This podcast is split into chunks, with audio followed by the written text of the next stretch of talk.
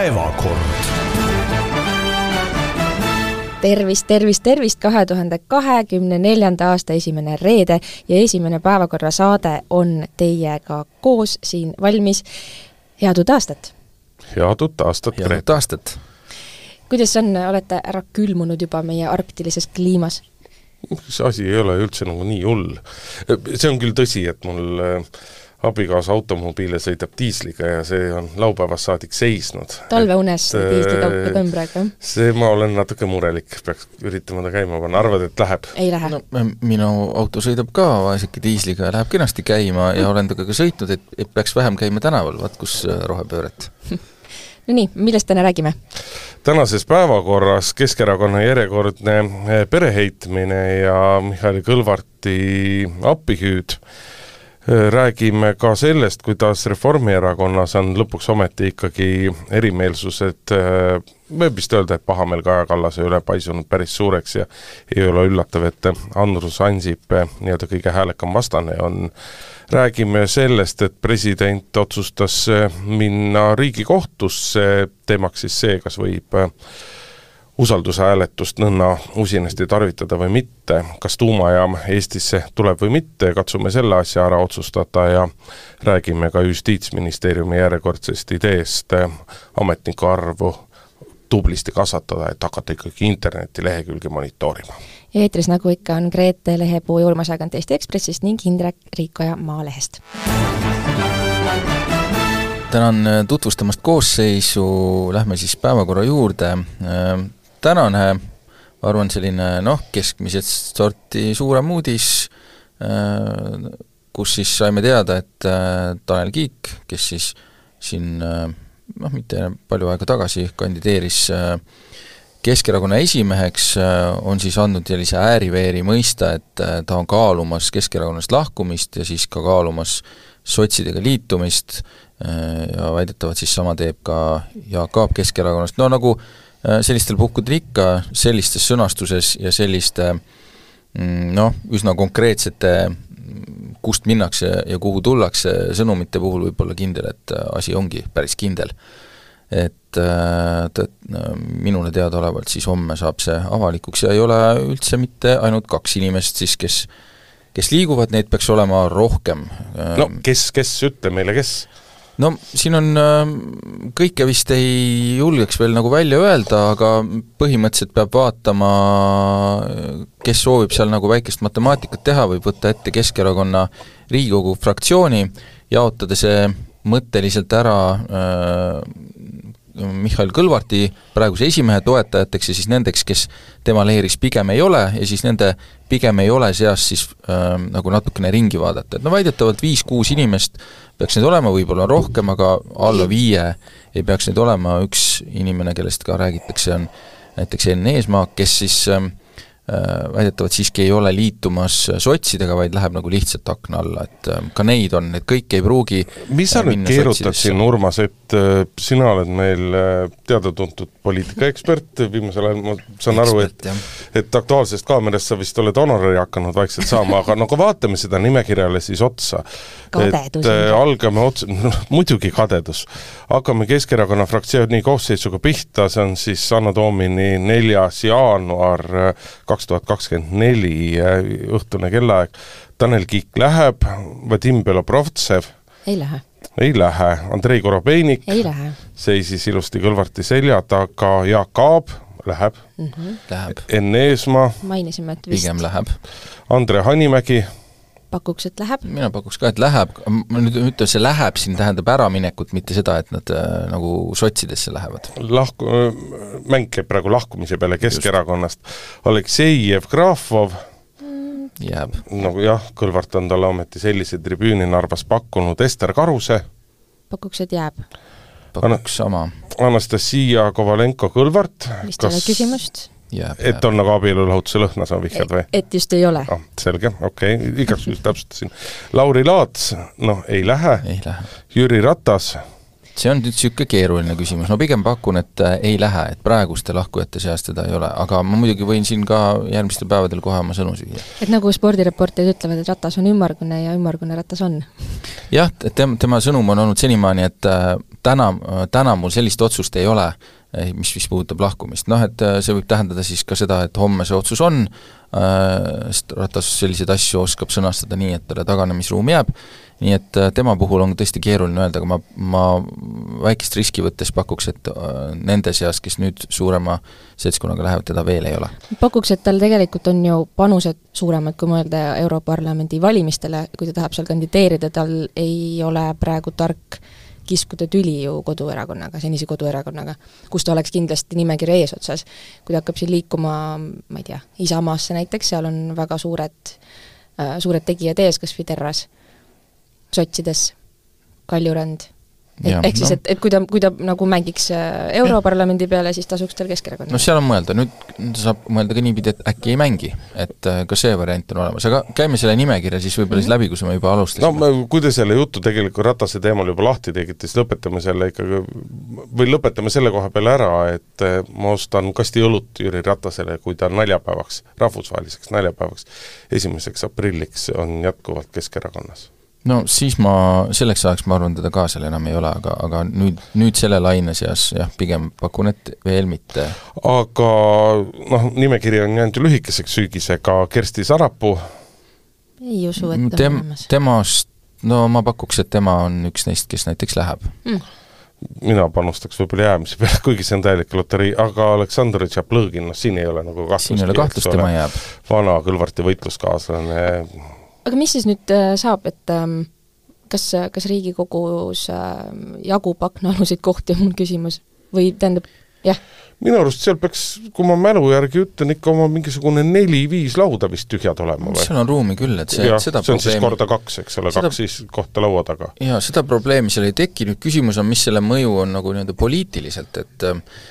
et äh, võib-olla peaks alustama jah, Keskerakonnast, et Keskerakonnast, nüüd me nägime ka seda, et Mihhail Kõlvart kutsus kiiresti kokku sellise eksprompt pressikonverentsi, kus sellises ameerikalikus stiilis seisis tema taga poolkaares äh, hulk inimesi, kes siis äh, midagi ei öelnud, aga väga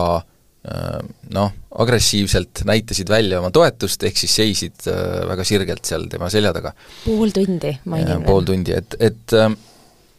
noh, see, see natukene selline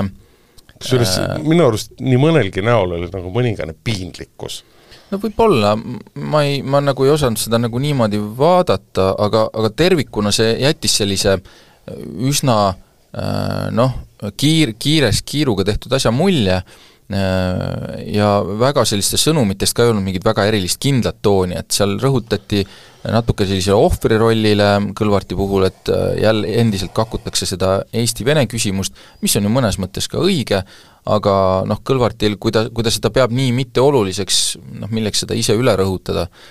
aga noh, võib-olla ta tõesti peabki seda nagu üheks oluliseks teguriks selles, kogu selles asjas, mis toimub, et no see oli ikkagi üli, ülivihane ja üliterav äh, kampaania ju, mis nagu nende kongressi eel käis. see oli nagu see põhiküsimus. ja kuigi mõlemad pooled toona lubasid, et äh, kõik pingutavad selle nimel, et sõbralikult koos edasi minna, siis seda ei ole senimaani juhtunud ja nüüd, nüüd kui see lahkumise laine kindlasti noh, Kõlvartil ega tal ei jäänud muud üle, kui sellist äh, pressikonverentsi teha, sest et et noh, muidu ta oleks pidanud lihtsalt kõigile ükshaaval seletama seda asja ja ka oma valijatele, toetajatele võib-olla on lihtsam seda asja niimoodi korraldada, ehm, ta oli nagu keskmisest emotsionaalsem, ma ütleks, selles esinemises, aga tal nagu midagi kind-, tal ei olnud nagu midagi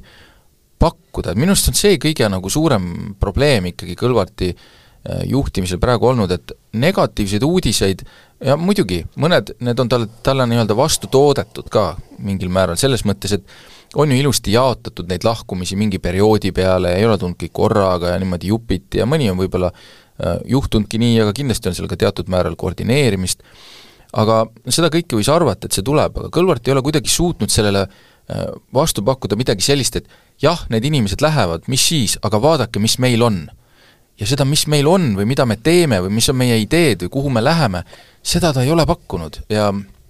sellest on mul kõige raskem aru saada, miks ta seda ei tee. ma võin sulle seletada, miks ta seda ei tee, sest et kuigi ta sellel samal pressikonverentsil nagu korduvalt rõhutas, et noh, tema jaoks, tema jaoks isiklikult ei ole, ole, ei ole ikkagi Keskerakonna esimeheks olemine üldse oluline ja see ei ole tema ambitsioon, ta on ikkagi tulnud erakonda päästma ja nii edasi, siis, siis tegelik tõde on, on siiski see, et äh, rohkem kui aasta enne valituks osutumist käis just nimelt isiklikust ambitsioonist tulenev äh, töö selle nimel, et äh, nii-öelda saagida või õõnestada Ratase jalgealust ja ise sellele kohale saada, sest et Kõlvart ei ole rumal inimene ja Kõlvart teadis täpselt sama hästi nagu meie, kui meie siin seda saates rääkisime, et äh, ta võib küll üritada nalja visata selle üle, et küsin isa käest nõu, kuidas rohkem suur, rohkem eestlane olla, aga midagi ei ole teha, Kõlvart ei ole pärit nii-öelda eestikeelsest kultuuriruumist ja seda Eesti ühiskond ei ole selle jaoks veel küps, et selline inimene võtta nii, võtta vastu nii suure erakonna juhina, lisaks tema nii-öelda see poliitiline tegevus ja see tegevus ka Tallinnas on ikkagi olnud väga selgelt äh, venekeelse, venekeelse valijaskonna keskne. Ja seal on need juurpõhjused tegelikult kinni, miks praegusel hetkel toetus kukub, no ta ei kuku enam, ta on nagu stabiliseerunud. noh, okei okay,, ütleme, on siis kukkunud nagu nii tublisti ja miks sealt ei ole võimalik, lihtsalt kõik see Kõlvarti nii-öelda nagu muud, muu taust, et tore on ju mängida mõttega, et temast võiks saada peaministri erakonna esimees ja peaministrikandidaat, aga milline poliitiline jõud tuleb tema minevikuga inimesega koos nii-öelda koalitsiooni tegema? ma ei tea, ma ma ei, ei, ei, ei tähtsustaks seda nüüd küll üle, et, et kui ähm, ma ei tea, millele sa vihjad, on ju, tema mingite kriminaalsetele sõpradele, üks asi on kriminaalsed sõbra tegelikult ei ole olnud mingit pistmist. jaa, aga vaata veel hullem, eriti tänases olukorras on ikkagi see, et kui sa Vannu kaitsepolitsei aastaraamatuid meenutad, siis ikkagi väga mitmeid aastaid on nendes kaitsepolitsei aastaraamatutes väga selgelt nagu vihjatud ja viidatud sellele, et et, et, et kelle huvide või, või, või mis ühiskonnagruppide eest ja, ja mis moel ta kogu aeg seisab. ja seal see nii-öelda see vene kaart, see vene taust on nii tugevalt pilt, sinna, sinna ei ole midagi parata. no mind, mind üldjuhul nagu häirib, kui nagu, kui kaua võib nagu niisuguseid asju nagu lahti kakkuda, et tõesti, kui ei ole midagi uut peale tulnud, mis nagu annaks põhjust seda nagu rõhutada, siis äh, millal see ükskord nagu lõpeks, et mul nagu kardangi, et see a, nagu ei lõpegi lõp kunagi. miks see lõppema peab, kui me vaatame seda, kuidas see, milline on Tallinna linnavalitsuse ja nüüd ka Narva linnavalitsuse, mida väga selgelt nii-öelda kureerib Jaan Toots, kes kes teeb ju asju nii, nagu Kõlvart ütleb, kui me mõtleme eestikeelsele haridusele üleminekut, see on, see on ju, see, see kõik ju jätkub, miks sa ütled, et uuesti ma küsiks niimoodi, et aga mida sa ootad äh, omavalitsuste juhtidelt, kelle omavalitsuses elab nii palju venelasi, venekeelseid inimesi, et mida nad siis nagu peaksid tegema, et mi-, et äh, nad ju peavad juhtima neid kõiki inimesi, aga oot-oot-oot, ma jõuan siis nüüd... tulebki leppida sellega, et, et see Vene kaart on laual lihtsalt, see on, nad hoiavad seda laual. tagasi, et, et, et äh, nii palju, kui ma ka tahaksin öelda, et nagu kaua võib, siis teiselt poolt ma pean ütlema, et jah, kindlasti sellel on nagu mõju, et äh, ilmselgelt sellel on nagu mõju, äh, kas Kõlvart seda tahab või mitte, ta sellest nagu ei pääse, aga, aga ma nagu ei näe, et ta selle vastu nagu midagi teeks. et, et see on natuke selline võib-olla kummaline, aga kui, aga kui me läheme nagu Riigikogu olukorra juurde, siis noh, me siin loetlesime üle, siin mõtlesime, et kas neid pinke seal jätkub, no küllap jätkub aknaalustele, aga siin küsimus, minu arust siin tekib mitu laiemat küsimust, et kuidas see ütleme, kui see lahkumine on fraktsioonist nagu ütleme, viis-kuus, ma ei tea, seitse inimest äkki isegi mm, -hmm. mis see tähendab nagu sa mõtled kokku koos nendega, kes juba läinud on? no noh, praegu no, ei tule nii palju enam no võib-olla nii palju ei tule praegu kokku, viis-kuus inimest ütleme, tuleb juurde, et kuidas see seda dünaamikut muudab, et hea küll, paar inimest, mõned inimesed lähevad sotsidesse, sellega on nagu selge, et nemad hakkavad toetama valitsuse poliitikat, aga ülejäänud. et äh, kas meil võib tekkida olukord, ähm, kus äh, kuskilt on võimalik saada äh, koalitsioonil mingeid hääli, kui seda vaja peaks olema, näiteks juhul, kui meil on valitsuses äh, kolme erakonna asemel näiteks kaks. et äh, kas sealt võib midagi juurde tiksuda, kas sealt tulevad mingi matemaatika kokku, ma ei ole läbi arvutanud, aga mulle tundub, et selle Keskerakonna sellise noh, sellise raputuse või järjekordse nagu sellise pereheitmise tulemusel, tulemused tulemuse mõjud võivad olla nagu laiemad kui, kui lihtsalt sul, Keskerakond. ma torkan sulle vahele, et see on selles mõttes teoreetiliselt võimalik, et äh, viiskümmend üks häält, kui ma nüüd ei eksi, kas viiskümmend, viiskümmend üks häält on koos Eesti kahesajal ja Reformierakonnal praegusel hetkel, kui nad saavad nii-öelda mingites kohtades paar häält lisaks aknaaluste käest, siis on nii-öelda probleem on lahendatud ja saab sotsid ilusasti üle parda heita. Nii, noh, raske on, aga tehtav. aga kui me mõtleme ka näiteks teistpidi, kui me ja. mõtleme niipidi, et et kui sotsid siin vist, Kesk- ja Reformierakond on ise saanud ühe juurde, kui ma ei eksi, jah, Keskerakonnast lahkumise tulemusel Äh, neil on kolmkümmend kaheksa, eks ole, ja kui nüüd äh, sotsidesse noh, lisandub ütleme praegu, me teame, et kaks näiteks sellest ühe, praegusest üheksast saab üksteist, võib-olla kaksteist. Äh,, ma siin, ma olen hästi kehv pealt, peast arvutaja, aga siin no vaata, viiskümmend üks häält on praegu koos, kolmkümmend seitse Reformierakonnal või isegi viiskümmend kaks siis äh, pluss üks Keskerakonnast ja neliteist Eesti kahesajal, see teeb kokku viiskümmend üks, viiskümmend kaks jah, ühesõnaga siin on nagu mõtlemise koht, siin on äh, ja veel nagu selline kajastamata nurk äh, või kuhu see mõju võib ulatuda, on ju ka Tallinna linnavolikogu. et äh, mõned nendest ri-, Riigikogu liikmetest, kes lahkuvad ja me veel ei tea, et äkki tuleb ka lahkumisi nende hulgast, kes on Tallinna linnavolikogus Keskerakonda, seda ka ei kuulu näiteks Riigikokku. et selle mõju võib ulatuda ka Tallinna linnavolikogu koosseisu Äh, nii et äh, noh, selle järelmeid võib-olla äh, on praegu kõiki, ei olegi võimalik nagu läbi mõelda, sest neid on päris palju. no siin ma tõmbaks hoogu maha, et valitsus, valitsuskoosseisus muudatus on, on, on tõenäoline ja võimalik, aga et Tallinnas Keskerakond nii-öelda kaotaks napilt, no kas te usute reaalselt, et see eeldab, et et Tallinnas Keskerakond välja mängida võimult, see eeldab, et kõik teised erakonnad peavad seljad kokku panema, et EKRE ja sotsid hakkavad Tallinnas üheskoos,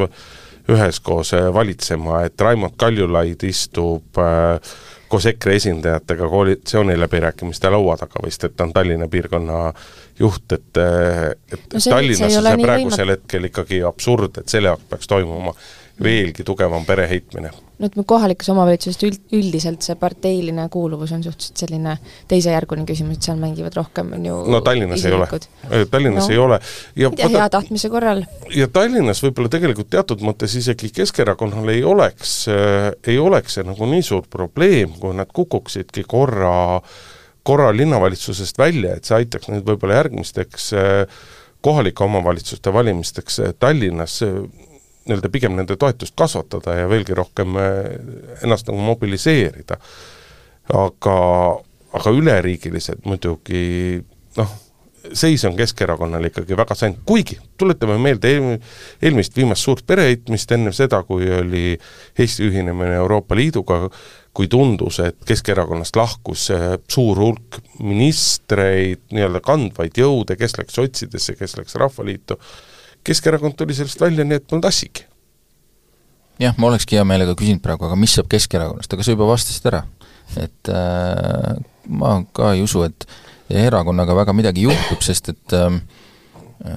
noh, kui meil on mõni erakond, mis on nagu selliste pikkade traditsioonidega, mis on nagu võrsunud taasiseseisvumise protsessidest, siis on see Keskerakond.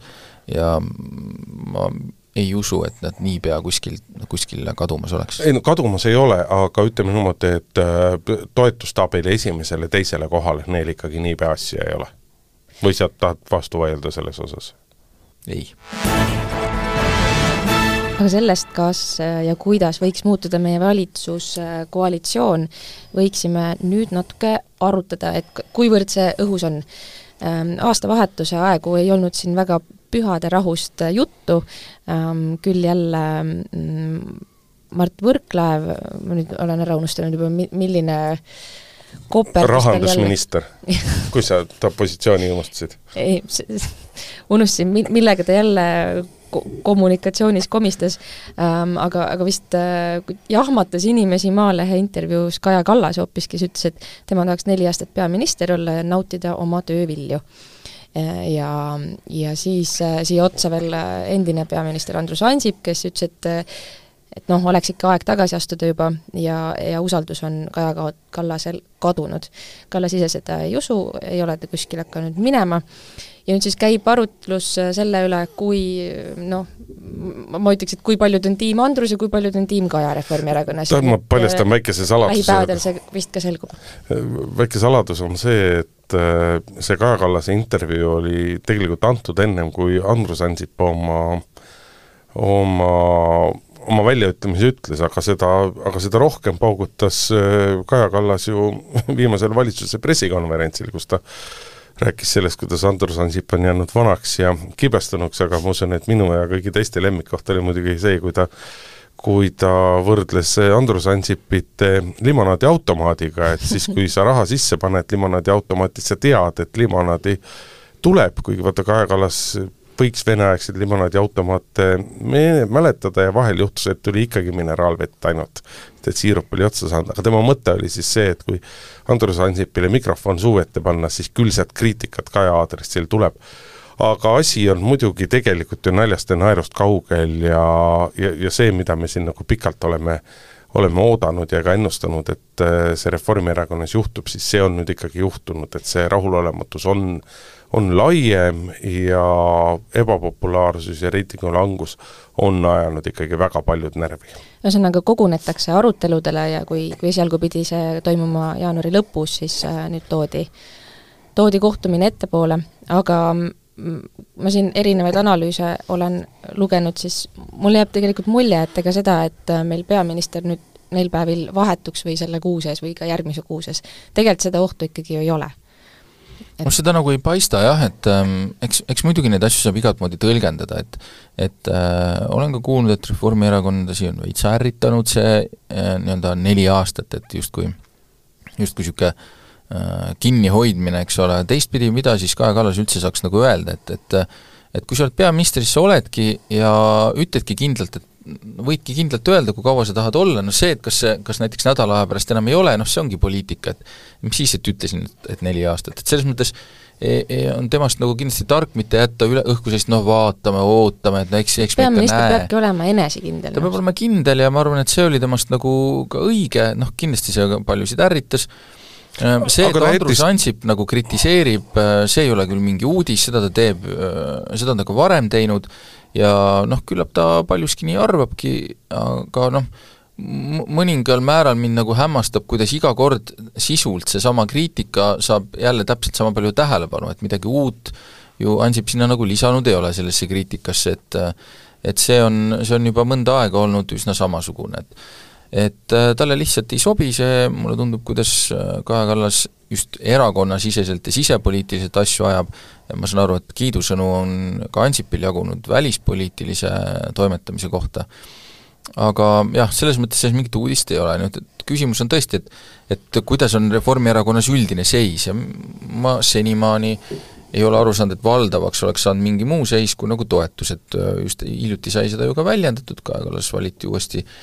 esimeheks, aga, aga siin on, kindlasti on see küsimus, et Reformierakonnas kindlasti saavad ka, ka Kallase toetajad aru, et mingit käiguvahetust või midagi on nagu vaja, et et kuidagi muuta seda praegust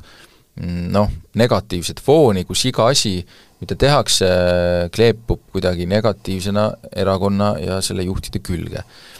kuidas nad seda teevad, noh, küllap nad seda siis lähipäevil arutavadki ja ega ei tea täpselt, mida see kaasa võib tuua, noh, ütleme, hirmuga võiks mõelda, et Reformierakonna ajalooline, ajalooline lahendus on teha mingisuguseid äh, selliseid äh, vangerdusi, selliseid kaardipakkide segamisi. et ähm, praegu miski sellele nagu otseselt ei viita, aga me kunagi ka ei tea. sa mõtled vahetada ministrit või vahetada valitsuspartnerid? Emba-kumba, mõlemat mm, -hmm. aga kuigi noh, praegu tundub ebatõenäoline, et, et, et äh, et kui valitsus peaks vahetuma, siis miks peaks äh, Kaja Kallas enda valitsust nagu lõhkuma, et see, see eeldaks siis juba ka uut äh, esimeest, uut peaministrit äh,, täiesti ütleme, vihikust rebitakse kõik täissoditud ruudulised lehed välja ja alustatakse puhtalt uuelt. no ja siis heidetakse ette Reformierakonnale, et ega nad muud ju teha ei oskagi, kui pooled aasta pärast äh,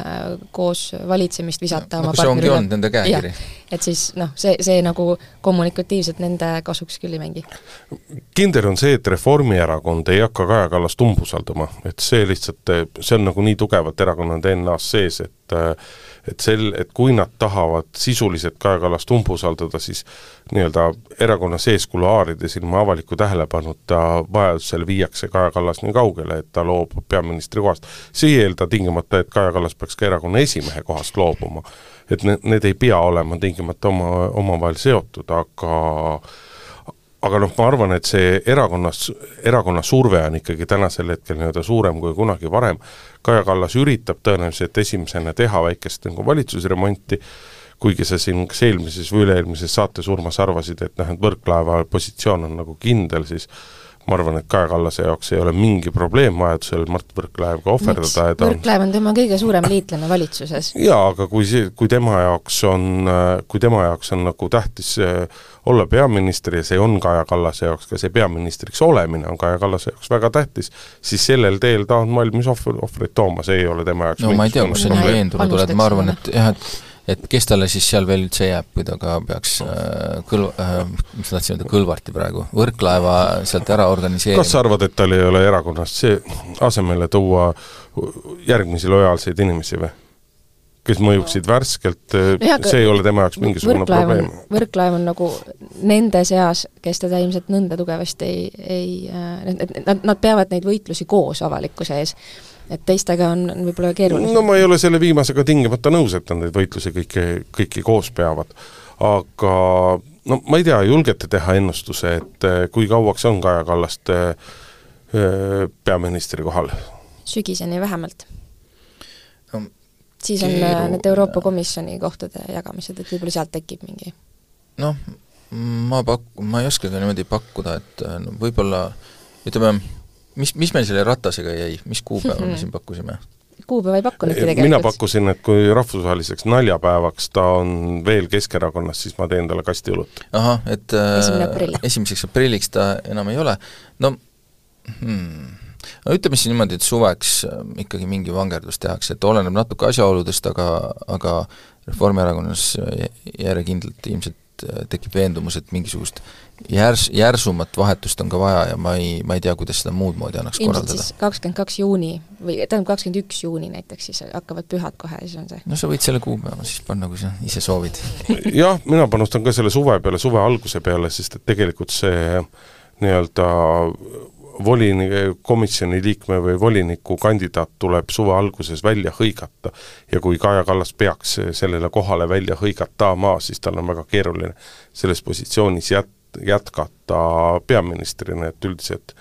Euroopa poliitilises tavas on nagu, on, on välditud sellist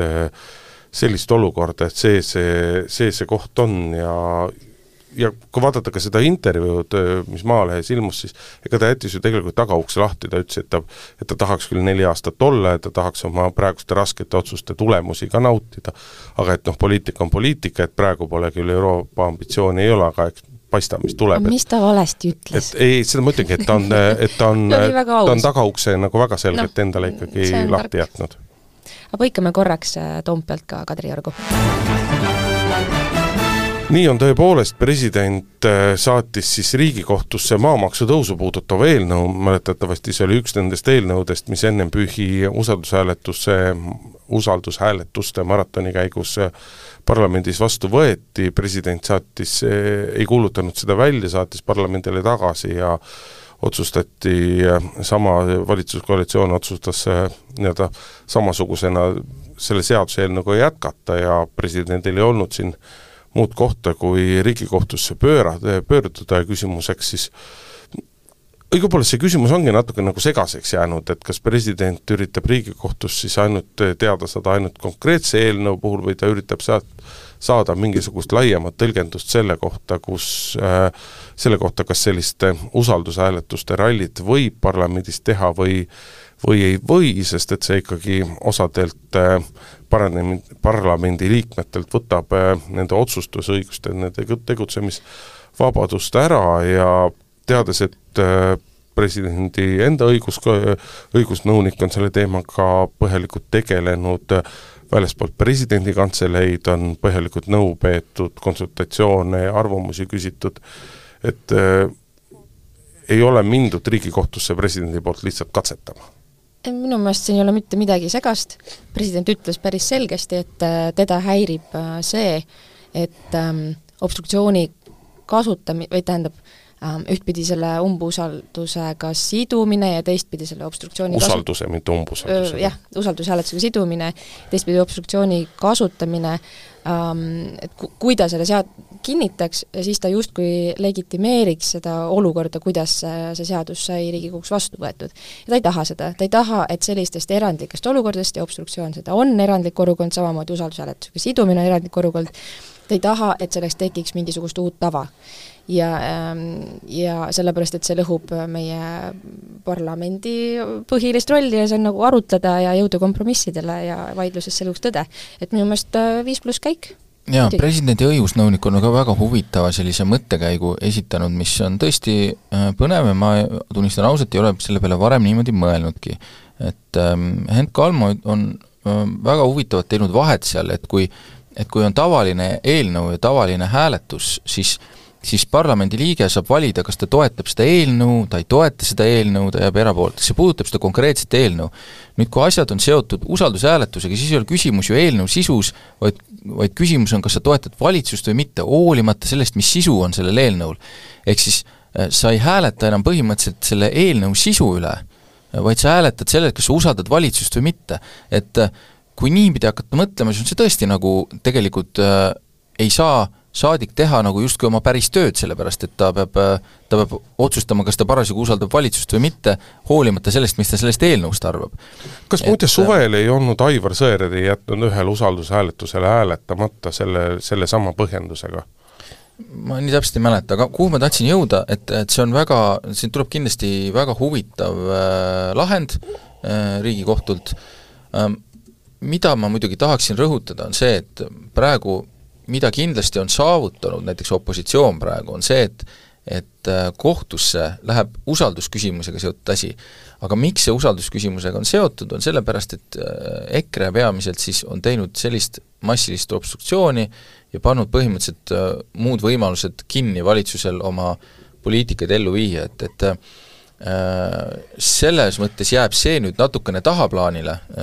kogu selle äh, Riigikohtus järgneva nagu vaidluse ja selle arutelu juures, et tegelikult miks neid usaldushääletusi on valitsus kasutanud, et see on ikkagi selleks olnud, et lihtsalt muud moodi ei ole võimalik olnud endal oma poliitikat ellu viia. vot siin ma tahan sulle ikkagi vastu vaielda ja enne selle tahtmatult EKRE advokaadiks kehastuda, aga mina siiski laulan seda laulu, mida, mille vajalikkust on rääkinud president, eelmised presidendid, õiguskantsler, tegelikult ka Riigikohus, parlamendis tuleb otsida kompromissi, et see probleem lahendada ja praegusel hetkel väga selgelt Reformierakond on loobunud igasuguse kompromissi otsimisest, sest me ei oh,, me ei saa seda väita. ei ole, ei ole otsinud mingit kompromissi, opositsioon täpselt samamoodi,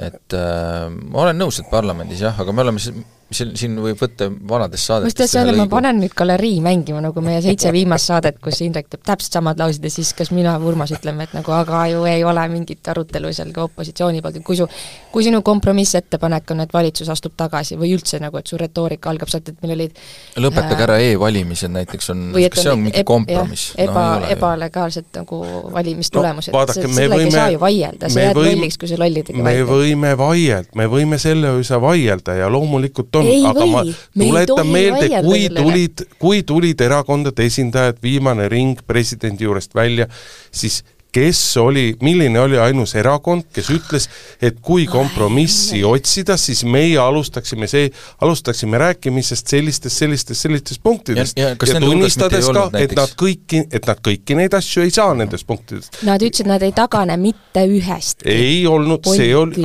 vaata nüüd ka hilisemaid, sa, sa, sa pead kogu aeg ikkagi ajas nagu edasi liikuma ka nendes välja, ütleme mina nagu mäletan ka, et ei tagane mitte ühestki. Ja, ja mäletan ka, et seal hulgas olid asjasse absoluutselt mitte puutuvad nagu, Nagu asjad ma selles, ma ei vaidle, ma ei vaidle teiega seda, aga Indrek, aga midagi kuidas, kuhu me jõuaksime siis, kui Kaja Kallas laskuks Martin Helmega arutelusse, et nüüd vaidleme nüüd selle, et kas need valimised olid seaduslikud või ei olnud. see on ju absurdne, meil ei ole vaja risustada Eesti nagu avalikku ruumi niisuguse aruteluga. vaata, see me ei vii, mitte kuhugi, see on täiesti ebavajalik ja see on täiesti nagu me ei ei saa, saa vaielda. õnneks või kahjuks ei saa me praegusel hetkel, ei saa selle üle otsustada, ennem kui Kaja Kallas ei ole öelnud, et aga, aga räägime siis, vaata meie tahaksime selliseid asju saada. ja kui nad siis, ja kui nad siis, ikka saavad, alati saab, kõigest saab alati rääkida. Ja kui nad siis ütlevad, siis me saame öelda, et seda kompromissi on, aga, aga praegusel hetkel nad ise annavad need kaardid ära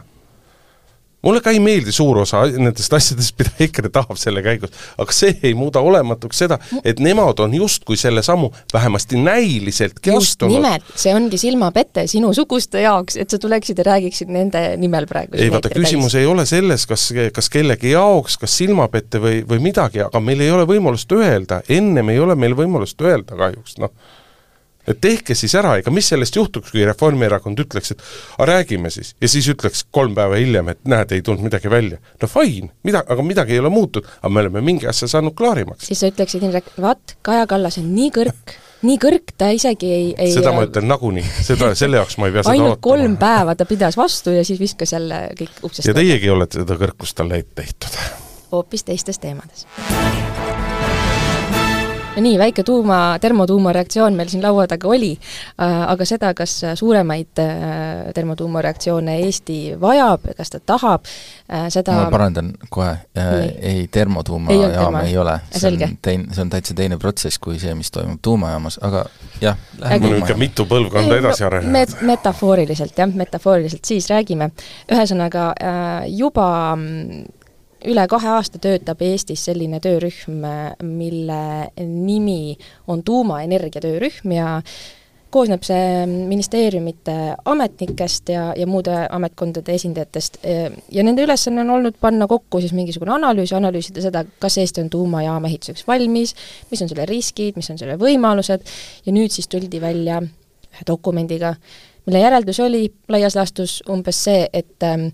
Eesti võiks tõesti kaaluda tuumajaama ehitamist, kui seejuures kaalutakse, millised on keskkonnamõjud, millised on mõjud riigieelarvele ja umbes noh, et ümbritsevad mõjud.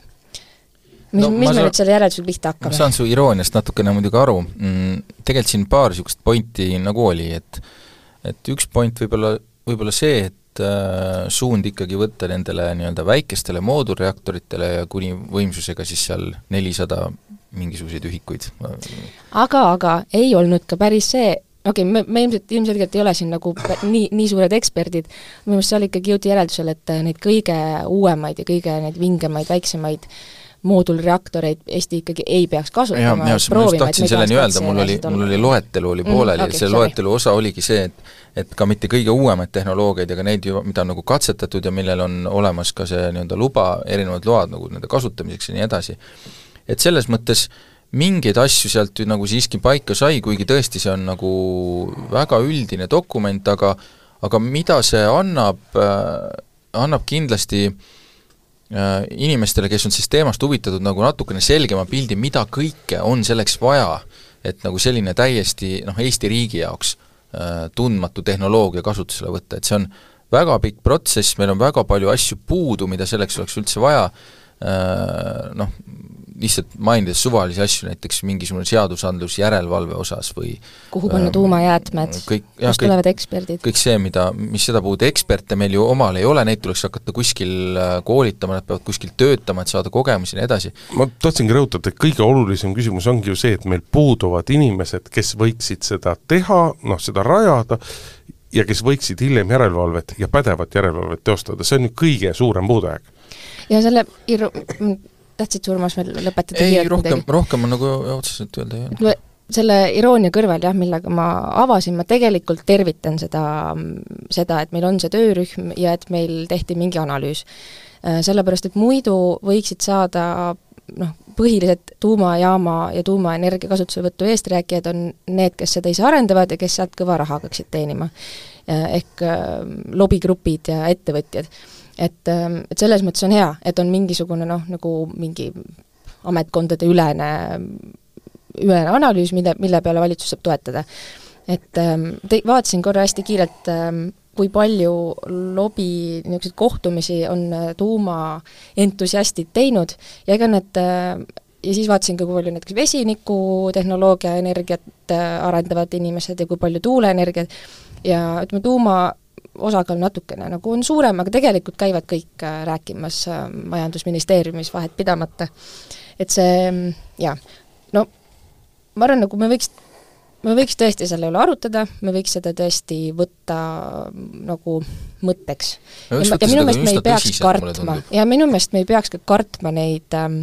olla katsejänesed. selles mõttes, et, et selleks, et nagu kuni me lõpuks selleni jõuame, et meil päriselt mingisugused reaktorid kuskile tehakse, no selleni läheb kümme pluss aastat. No pigem rohkem jah ja,, et need kipuvad, mida pikem projekt, seda rohkem ta kipub venima ja ja noh jah, oodata, et kuskil saab mingisugune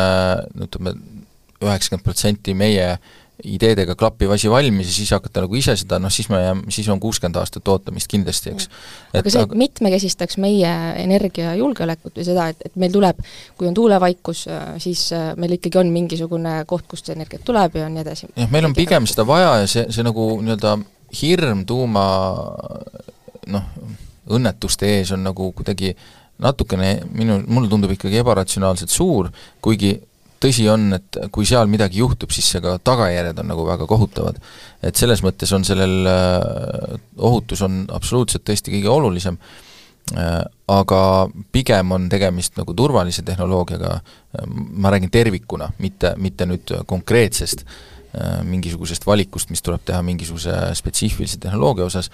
et ma arvan, kindlasti on see üks nagu variant, noh mida ma nagu, mida nagu püüan ette kujutada, et kui panna Eesti nagu elanikkond äh, sellisesse mastaapi, et ütleme, kuskil on linnad, kus elab sama palju rohkem inimesi, et kas nendel linnadel oleks oma tuumajaam, noh, ma ei tea, selles, selles nagu kategoorias see tundub veidi, äh, võib-olla veidi noh, liiga suur,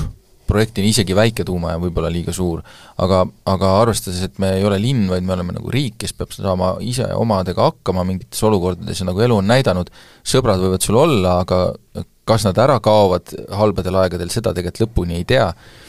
et äh, selles mõttes midagi on meil kindlasti vaja ja see on, see on üks variant, tõenäoliselt üks, üks paremaid. sa ütlesid, et tõenäoliselt noh, need hirmud on nagu liiga suured või et sa kasutasid ka väljendit, et kui midagi juhtub, siis tagajärjed on katastroofilised. mina ei tea, mina ei tea sellest asjast rohkem, kui äh, põhikooli ja keskkooli füüsikatunnis räägitakse aga kui sa kuul-, kui vaadata ka nagu rahvusvahelisi teadlasi, kuulata, siis sellist asja nagu Tšernobõlis juhtus kunagi, noh, seda me ei pea kartma, et tänasel päeval tuumajaamadega enam juhtub, eriti kui me räägime nii-öelda nendest uuematest, uuematest generatsioonid, generatsioonidest, aga ega Tšernobõli-sugust tuumaelektrijaama ei hakata Eestisse ka kunagi ja. ehitama. põhiline võti ja küsimus ja, ja see on nüüd üks etteheide, mis on tulnud ka nüüd sellele nüüd avaldatud auditile, ma ei tea, kas, või aruanne, kuidas iganes seda nimetada, ma ei tea, kas see oli muidugi üldse selle aruande teema, kõige olulisem küsimus on ikkagi see, et meil on vaja mingisugust äh, lahendust, mis oleks võimalikult roheline ja praegusel hetkel tuumaenergia äh, liigitub rohelise energia alla, meil midagi, midagi sellist on vaja, aga kõik taandub ikkagi hinnale. Ja meil on vaja väga põhjalikke hinna- ja tasuvusanalüüse, et teada saada, kas selles kontekstis on tuumaenergia konkurentsivõimeline või ei ole ja sellest lähtuvalt tuleb meil tegelikult langetada seda otsuse jah, aga nagu ei tasu nagu mollutama jääda, muidu me oleme viieteist aasta pärast siin noh, nendime sama asja, mida me praegu räägime tuuma või tuuleparkide kohta, et kuhu on jäänud need otsused, me oleme jäänud hiljaks, nüüd ehitatakse, nüüd on kõik palju kallim, palju keerulisem nii edasi. üldse ei vaidle et, sinuga selles osas, et jah. tegutseda on vaja, mitte ja. venitada ja mitte niisama nagu nämmutada, et me oleme seda kõike nagu näinud just nendesama tuuleparkide ja kõige selle kontekstis, kus teema on ebapopulaarne, mingi ports elanikke hakkab äh, hakkab suure häälega kisama, tihti on probleem selles, et tegemist on väga hääleka, aga siiski väga selge nagu vähemusega, nende sõna pääseb eh, maksu sellest ja poliitikud, ametnikud ei ole tahtnud selle küsimuse ja probleemiga tegeleda. tuleb tegeleda ja tuleb ruttu tegeleda, aga aga see tasuvuse küsimus on vaata et võtmetähtsusega. Läheme edasi järjekordse suurepärase ideega, nimelt on Justiitsministeerium tulnud välja seaduseelnõuga, et TTJA ehk siis äh, Tarbijakaitse ja Tehnilise Järelevalve Amet, kui ma nüüd õigesti ütlesin selle pika nime, Grete näitas pöial püsti, järelikult läks, läks õigesti. Äh, et TT, TTJA võiks hakata äh, netilehekülgi monitoorima, otsima, mõõtma, kas seal olev sisu on vastavuses autoriõigusega ja et TTJA võiks siis saada õiguse ka mingisuguseid lehekülgi blokeerima hakata lugesin ja mulle tuli kohe meelde see, kas see oli nüüd kevadine või ettepanek, mis tuli toona küll vist Siseministeeriumist, et tuleks ära keelata kõik, kõik kõnekaardid, kus, kus ei ole võimalik kindlaks teha, kes seda kasutab, ehk luua nii-öelda sellist suurt bürokraatiat, et nüüd tahetakse luua veel suuremat bürokraatiat, sest et ega sellist tegevust ei saa usaldada ainult masinatele, see tähendab omaette kümneid inimesi, kes lehekülgi monitoorivad, otsuseid langetavad ja nii edasi, ja noh, on kostunud ka esimesed protestihääled, millele on nagu väga keeruline vastu vaielda, et kas riik tõesti tahab hakata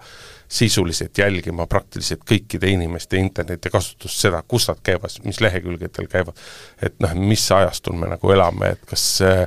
kas selline asi on kuidagigi kooskõlas mingisuguste isikuvabaduste põhimõtete ja kõige muuga ma arvan, et päris meid nagu igaühe meie brauseri külastusi ei, nagu ei monitoorita, vaid et seal ilmselt oleks mingisugune süsteem, mis tuvastab, kui ma võtan Maalehe intervjuu Kaja Kallasega ja panen selle kuskile üles täies mahus ja siis ma olen äh, rikkunud, on ju, Delfi meedia autoriõiguseid näiteks, on ju. et see teema noh, tekib üles selles mõttes küll äh, Äh, näiteks. selle jaoks, et teada saada, et sina sellist asja teed, tuleb väga selgelt just nimelt sind ja, ja pidevalt ja jälgida. ja see on väga keeruline täi-, või isegi nagu võimatu tegelikult. ma arvan, et nagu ei, see on me, võimalik, aga kas see peaks olema? Jah, esiteks nagu me ei pea üldse pöördesse minema, sest et äh, TTJA on aastaid alarahastatud, alamehitatud, ega nad ei jaksa sellega tegeleda nagunii.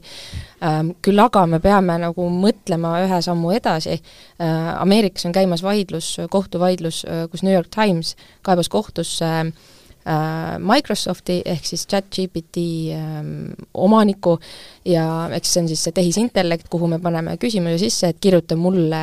midagi Delfist, mis asi see on, ja siis äh, see robot kraabib üle interneti kokku sulle info ja avad-, annab sulle seda teada.